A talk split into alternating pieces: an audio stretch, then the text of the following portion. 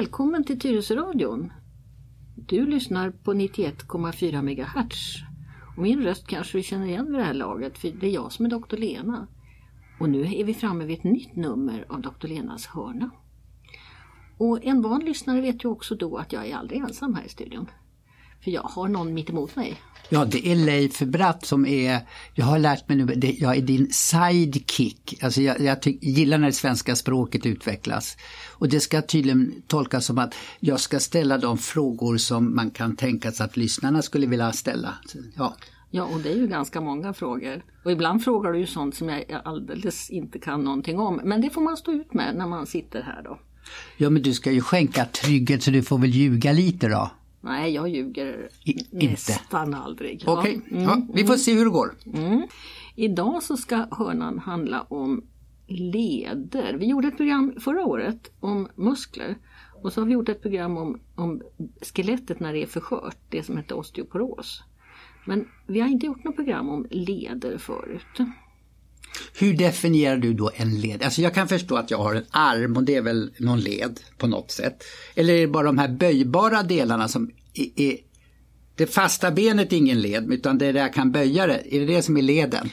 Du har sett en sån här skelettgubbe någon gång Ja. va? Eh, Och alla ben sitter ju ihop med ett annat ben. Det är ju inget ben som hänger löst i kroppen någonstans. Och där de där benbitarna möts, där är det alltid en led. Ibland så är det en, eh, liksom en kapsel runt om som håller ihop det hela. Ibland så hålls de här lederna ihop av band eller det som vi kallar för ligament eller senor. Och mellan lederna så är det oftast lite litet vätskeskikt för att det inte ska uppstå någon friktion. Är du med på vad friktion är? Ja, jag är ingenjör i botten. Ja.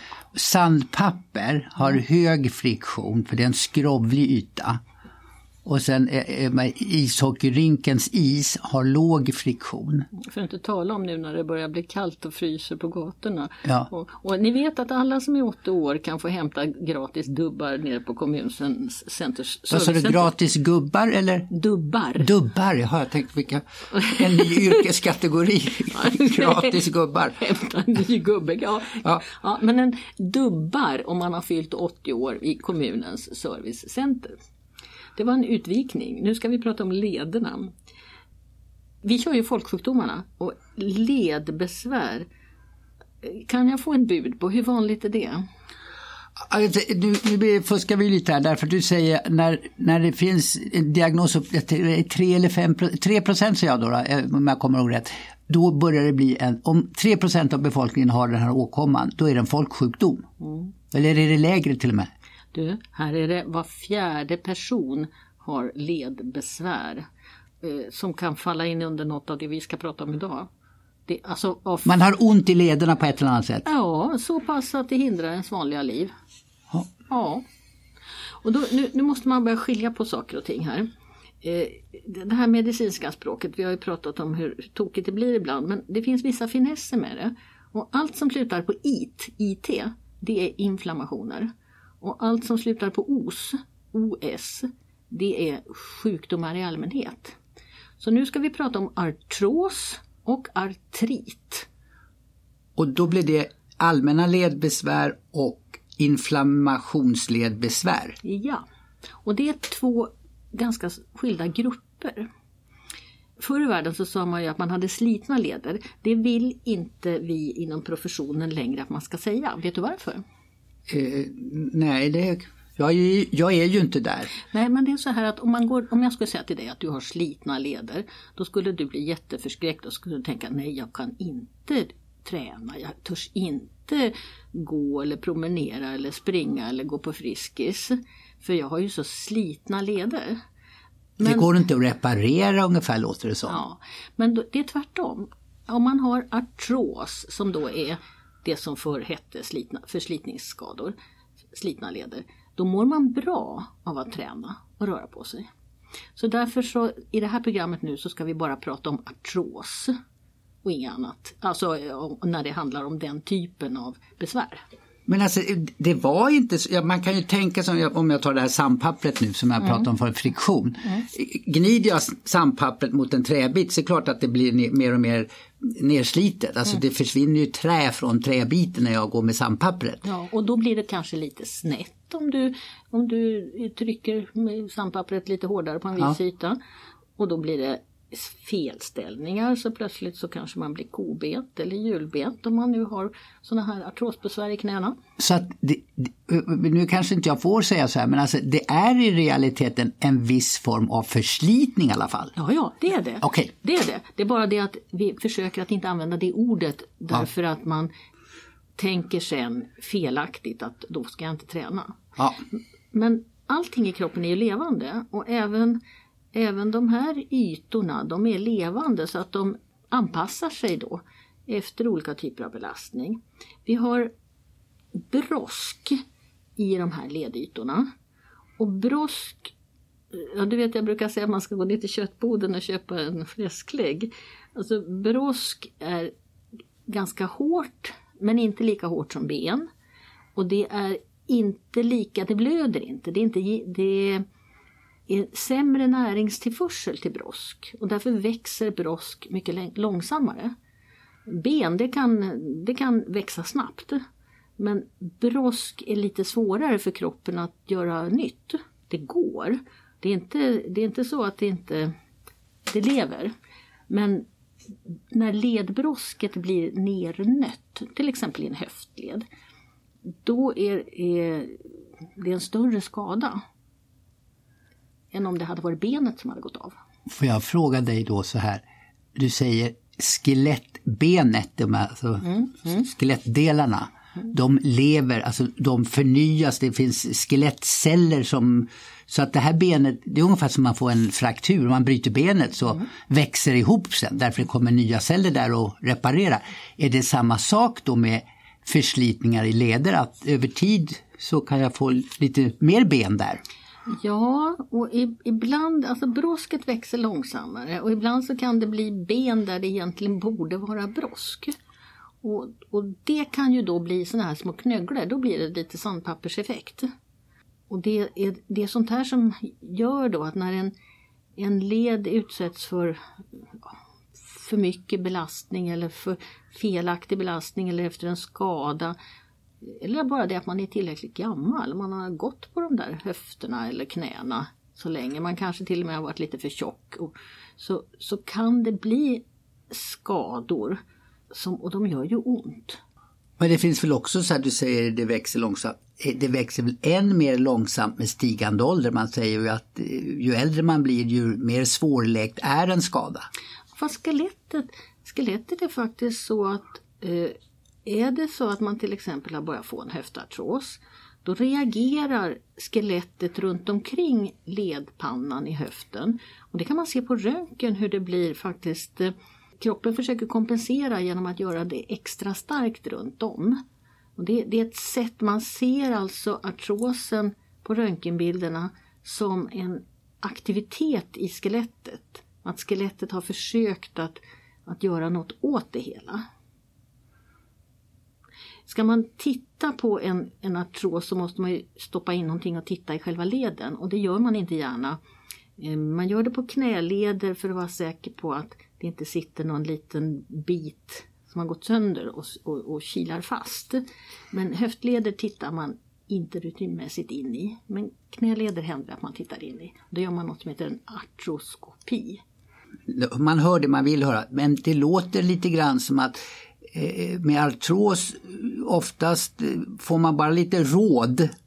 Så händer det, alltså läkaren gör inte speciellt mycket åt utan man talar om mjuk, soft, mjuk, ja. träna. Mm, det är så här att man kan göra väldigt mycket innan man kommer till ett sånt skede att det ska opereras. Vi kan byta ut både knäleder och höftleder. Men innan man kommer till operation så ska man ju då ha byggt upp muskulaturen, man ska ha kanske eh, gått i något som kallas för artrosskola.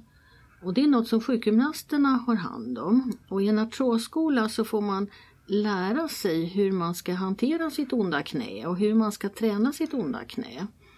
det visar sig att om man om patienterna får sådana här råd som att du ska ta den här värktabletten när du har riktigt ont annars behöver du bara ta vanlig Alvedon och så ska du gå på artrosskola och så ska du göra som sjukgymnasten säger.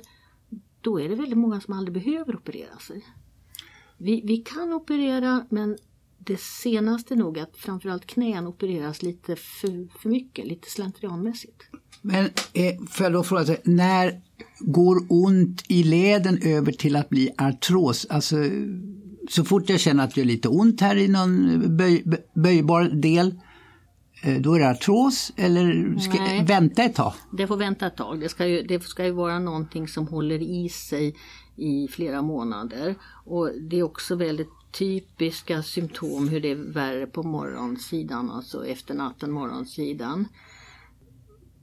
I artrosen ingår också att det kommer i, i attacker, alltså det kan, vara, kan ha ont ett slag och knät kanske svullnar upp och sen så går det tillbaka och sen så är det bra i flera månader och så kommer det igen. Det hör till artrosbilden.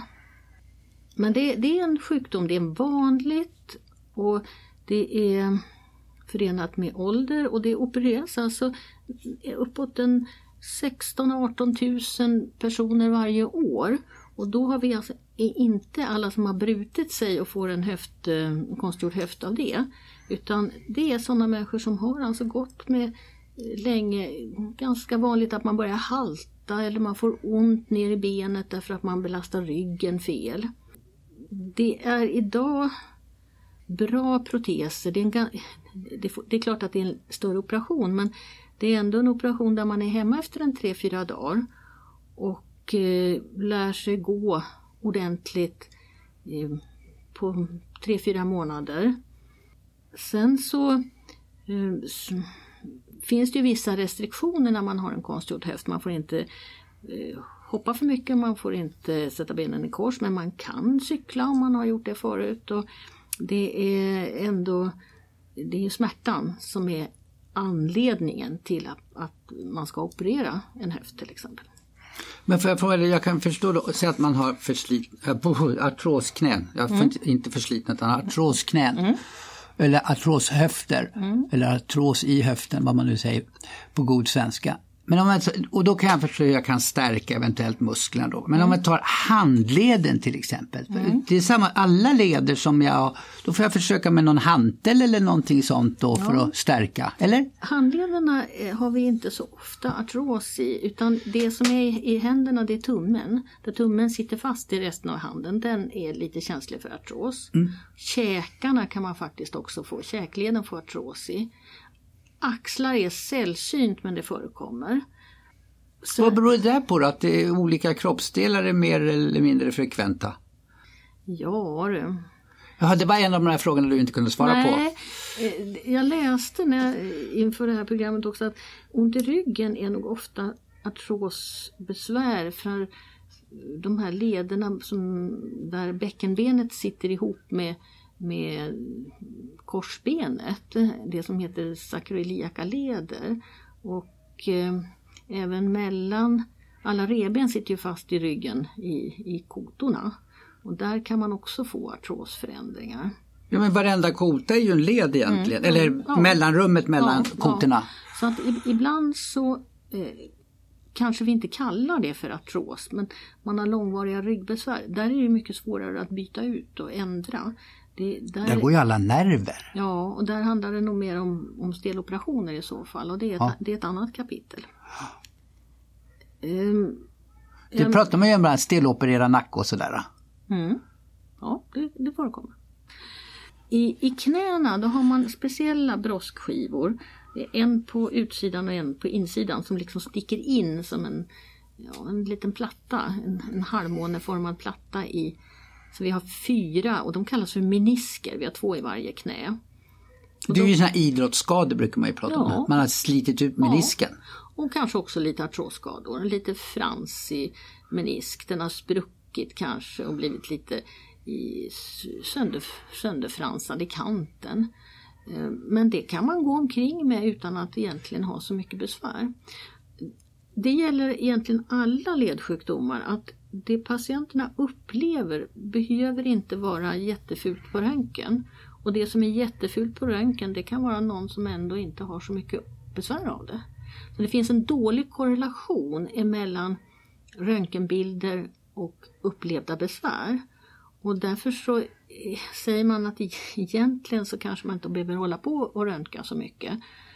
Utan det här är diagnoser som man doktorn kan sluta sig till.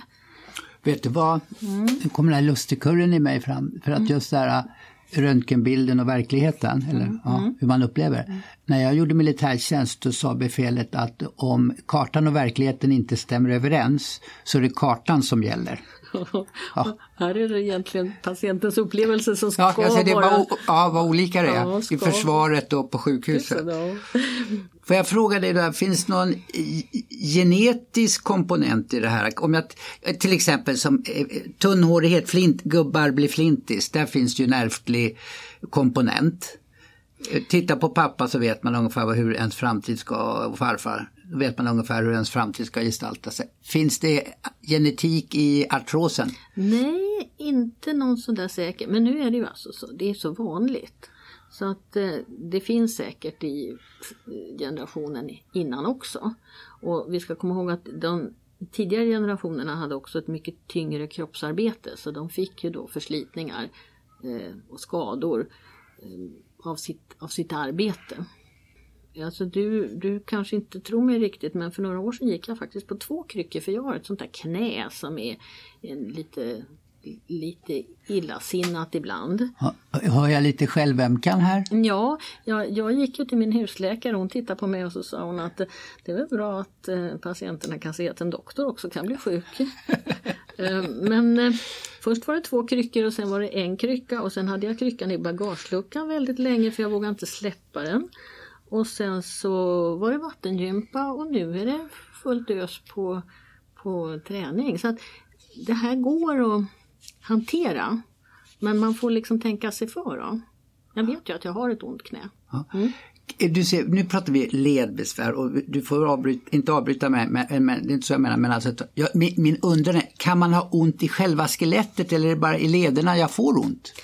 Det, det hör ju ihop. Har du en, har du en öm led så eh, hjärnan kan inte alltid säga att det kommer just från leden. Hjärnan säger att det kommer från knät eller benet. Och faktum är att höftartroser, de har ofta ont i knät.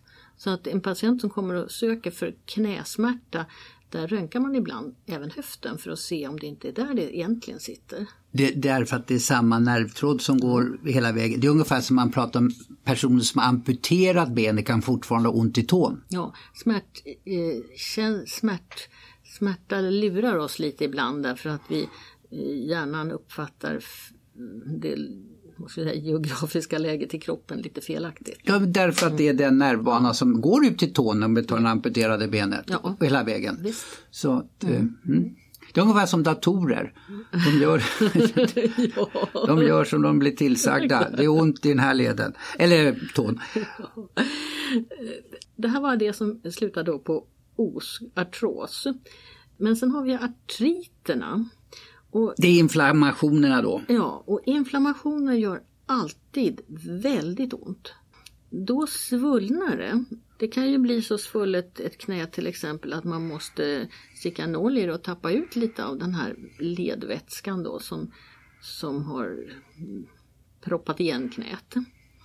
Ledvätska bildar vi ju hela tiden och, och är det lite grus i maskineriet så, så bildas det genast mera ledvätska. Sen har vi några ställen, vi har små, eh, vad ska jag kalla det för, blåsor eller eh, fickor där, där man har lite reservledvätska och det finns bakom knät. Så börjar ett knä svullna, då brukar man märka det genom att man, man får en svullnad på baksidan av knät mot rumpan till, alltså bakom i knävecket, strax ovanför knävecket. Så man kan säga med inflammation så följer oftast en svullnad? Ja, och då finns det, det finns en speciell sorts ledinflammation som heter ledgångsreumatism eller reumatoid artrit och ibland så säger man bara RA, alltså man gör en förkortning. Ja, det är ni doktorer. Men alltså, mm. förlåt nu, nu, nu mm. att jag, alltså, reumatism det är lekmannens eh, säga, förkortning eller av det du kallar reumatoid artrit, eller vad hörde jag ja, rätt? Ja. Så det är same same? Eller jag tror att reumatism är nog ett sånt där lite äldre ord som användes för allt möjligt som gjorde ont i lederna. Eh, ett, ett mera folkligt allmänt begrepp. I, idag försöker vi att sortera upp det lite mer. Vi sorterar upp i artros som är då att det är, är slitet och så har vi art, artriterna och där finns det barnreumatoidartrit som drabbar barn. Men sen finns den vanliga reumatoidartriten och den brukar komma ungefär i 35-årsåldern, 40-årsåldern kanske. Men får jag bara fråga så att det är skillnad på artrit och reumatoid artrit? Ja, artrit betyder bara inflammation i en led. Sen, sen så, reumatoid artrit är en särskild sjukdom och den är, den är viktig att man identifierar därför att den har en väldigt speciell behandling. Den som har en äkta reumatoid artrit den ska ha dels en medicin som räknas lite grann till Eh, cellgifter faktiskt, som heter metotrexat. Och sen är det många nu som har, får de här allra nya fina medicinerna. Och det, att det är så viktigt att behandla reumatoid artrit, det beror på att den sjukdomen, den inflammationen, den förstör lederna. Och då får man väldigt karaktäristiska, framförallt handskador. Eh, Eh, det kröker sig och så? Här. Ja, och det drar sig utåt, fingrarna drar sig utåt sidorna. Nu visar jag här, fast det inte syns i radio, hur en reumatoid hand ser ut. Och sådana händer, de, är, de kan man inte använda.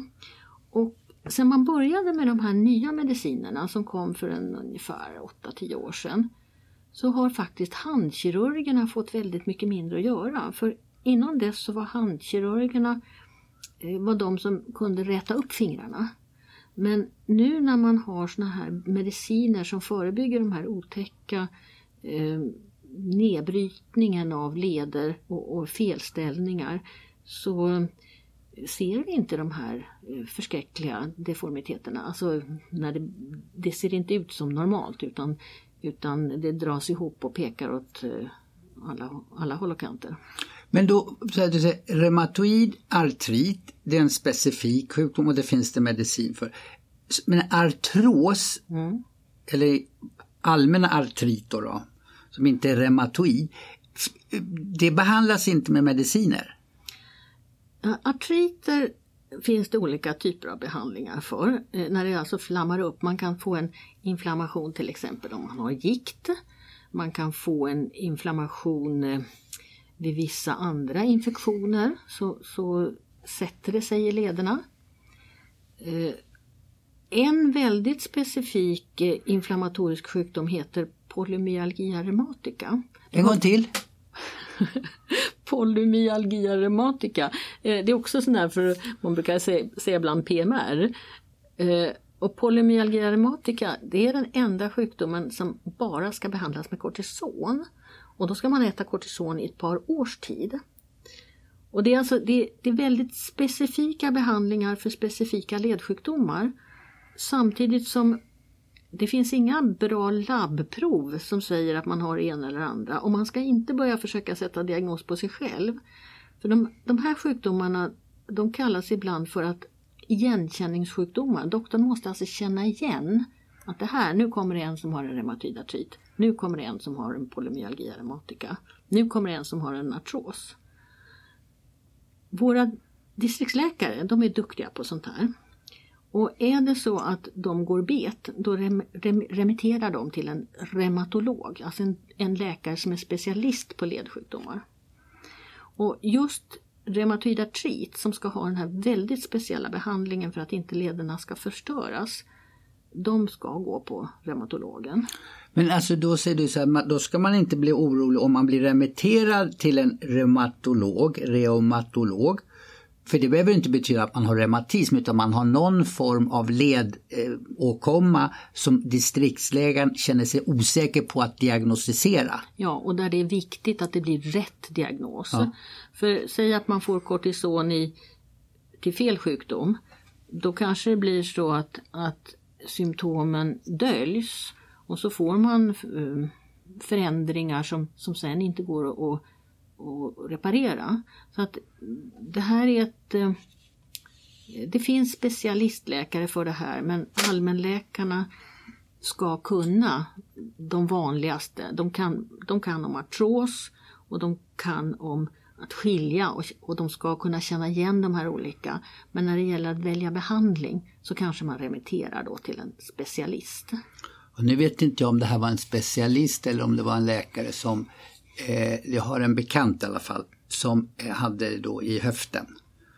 Och fick, det lite handlar om träning men det kallas att man skulle smörja höftleden.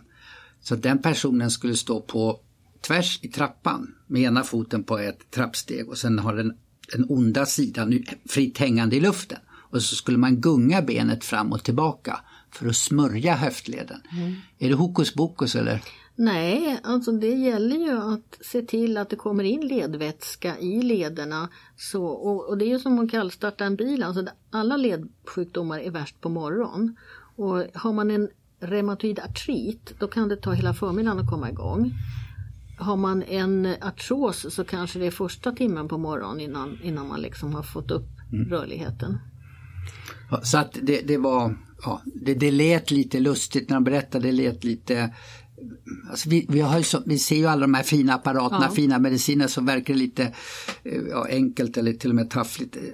Har de inget mer att erbjuda än att stå i en trappa och, och pendla med benet? Men okej, okay, jag accepterar, du kan det här. Det... Ja, alltså sjukgymnasterna är de som är bäst på det här. Och eh, en sjukgymnast kan man ta kontakt med utan att gå till doktorn. Om man, om man vet som jag då att jag har ett knä som är lite tråkigt. Då skulle mitt knä börja strula igen, då kan jag själv ta kontakt med en sjukgymnast och få gå eh, ett visst antal gånger utan remiss. Och sjukgymnasterna är duktiga också på att ställa diagnos på just sånt här som leder, onda ryggar, svullna knän. Och eh, de har ju en legitimation så att de har också ett ansvar så att de behandlar på rätt sätt. Men man behöver alltså inte ha en remiss för att komma till en sjukgymnast. Det är bra att veta. Ja. Och det finns sådana här varma träningsbassänger. Det finns här i Tyresö och det finns vid Dalen. Och det finns även en bassäng nere i Handen. Och vattenträning, det är grejer det förstår du. För att vatten, dels är det ju lite varmt. Eh, men sen så vatten balanserar och vattnet ger ett mottryck så att när man ska röra sig sakta i vatten då är det ganska tungt. Så då kan man träna muskulatur så att vi efter en operation så har man bättre förutsättningar. Eh, vattenträning ingår liksom i det här förberedelserna inför till exempel en knäoperation eller inför en höftoperation. Men det måste väl vara bra också utifrån att man blir ju lättare i vatten. Så är man lite tung mm. så, så, hjälper ju vattnet till att lyfta upp en så att mm. säga. Mm. Och då belastar ju inte leden heller på samma sätt. Då. Nu hoppar jag här, mm. förlåt. Mm. Finns det någon könsrelation? Du sa tidigare nämligen att det, var, det, det kommer med stigande ålder oftast, även om det finns mm. eh, även barn. Finns någon könsrelation? Alltså kvinnor drabbas oftare eller färre? Nej, kvinnor drabbas lite tidigare än männen. Men när de kommer upp liksom i den åldern som mina patienter har, då är det ungefär lika många. Men kvinnorna har nog ont i sina leder lite längre tid, över tid, än vad män har. Finns det någon förebyggande, alltså innan jag ens, om jag nu vet att 20 eller var det 25 procent, ja var fjärde det blir 25. Mm, mm. 25 procent av den vuxna mm. befolkningen har mm. uh, den här problematiken, ledbesvär. Mm. Kan jag, alltså kanske träning, muskelträning eller finns det andra grejer jag kan göra för att minska besvären eller minska risken att få diagnosen? Träning är ju det absolut viktigaste. Att inte väga för mycket. Rökning, även här påverkar rökning. Varför har vi rökning för egentligen? Ja, det var dumt i början. Ja. Ehm, sen så är det lite olika från person till person om man mår bättre av kyla eller värme. Man, det finns faktiskt olika ledsjukdomar där kyla är bättre. Men de allra flesta tycker nog om att det är skönare när det är lite varmt. Och då kan man ju se till att man har eh, handledsvärmare eller knävärmare eller eh, att man, man håller sina leder varma. Eh, det finns också olika tekniker för hur man, om man nu ska virka eller såga eller skära bröd, att man använder verktyg så att man håller handleden så rak som möjligt. Att man inte jobbar med handleden eh, sidovinklad. Min, min, min mor hade en sån här bröd, eller förskärare säger vi va? Mm. För att skära bröd. Ja, som såg ut som en såg. Ja, såg och sen var handtaget stod rätt upp. Ja, och det, sånt här finns i, i sjuk, de affärer som säljer sjukvårdsartiklar. Och idag kan man ju lita på nätet. Om man söker på ledskydd då kan man hitta eh, grejer som är bra för lederna. Det finns, det finns saker som man har när man ska öppna eh, dörrlås till exempel. Det finns universalgrepp som man har så att man slipper vrida. Det är ju det här vridvåldet på handlederna som man ska vara försiktig med sina handleder. Och i de här sjukvårdsaffärerna kan man också köpa då eh, saker som eh, man kan spänna fast runt tummen eller runt handleden eller runt knät. Och jag, eftersom jag har ett ont knä då så har jag en sån här knäortos som är som en stuprör med lite, lite böjningsförmåga och så är det ett hål för skålen Och jag har även för handled och för tumme eftersom jag har haft ont även där. Då. Och, och sånt här är bra. För att eftersom jag sa att sjukdomen kommer i, i attacker så kan det vara så att en två, tre dagar så har man jätteont i en led. Och för att skona den då så att inte man skadar den under den tid som den gör ont så är det bra att ha ett sånt där skydd. Du har i tidigare program eh, berömt eh, den medicinska sektorn. Man gör ständiga framsteg. Mm. Kan du säga det om man jämför de som fick den här problematiken för 30, 40, 50 år sedan Ska vi säga att vi har tur även här? Att det... Ja, framförallt när det gäller reumatoid artrit. Där är det enorma framsteg. Och eh, idag så förstörs inte lederna på samma sätt om man nu skulle råka få den sjukdomen. Eh, när det gäller artros så har vi ju fått nu de bra eh, rutiner och kliniker som opererar höfter och vi opererar allt äldre människor och det är många som vars liv blir helt förändrat när de, när de får sin nya höft och vi kan även mm, by, om, operera på bägge sidor och vi kan även operera om om det skulle vara så att den första av någon anledning inte första försöket inte blev så bra. Så det går framåt kan man säga? Det har gått jättemycket framåt. Ja. Men där som det fattas det är verkmediciner. För att eh, äldre människor tål inte de verkmediciner som är bäst på ledsmärta. Då får man problem med hjärta och njurar istället. Och det är, det är svårt att hitta en bra smärtlindrande behandling. Och det, det, det är ju det som är symptomet när man ja. har ledbesvär. Och varför, varför fixar man inte till någonting på det här området då? Är det ja. inga pengar i eller är det svårt och, eller vad? Ja det är nog både och. Vi, vi, vi behöver nya smärtstillande medel, så är det nog. Tips från doktorn till läkemedelsindustrin, kan man ja, säga så? Ja, oh, jag längtar efter bättre smärtstillande medel. Hör ni, ni som jobbar i den sektorn? ja. Doktor Lena säger. Nu Leif, nu måste vi sluta. Det här är ett så stort kapitel som den är alltid, men den har bara rusat iväg. Mm. Ja, men vi fick i alla fall det här uh, uppropet nu till läkemedelsindustrin fick vi ju med. Det fick vi med. Och sen så återkommer vi med en ny hörna så småningom. Ja. Eh, tack för din klokskap säger jag så länge. Ja. Hej då. Hej då.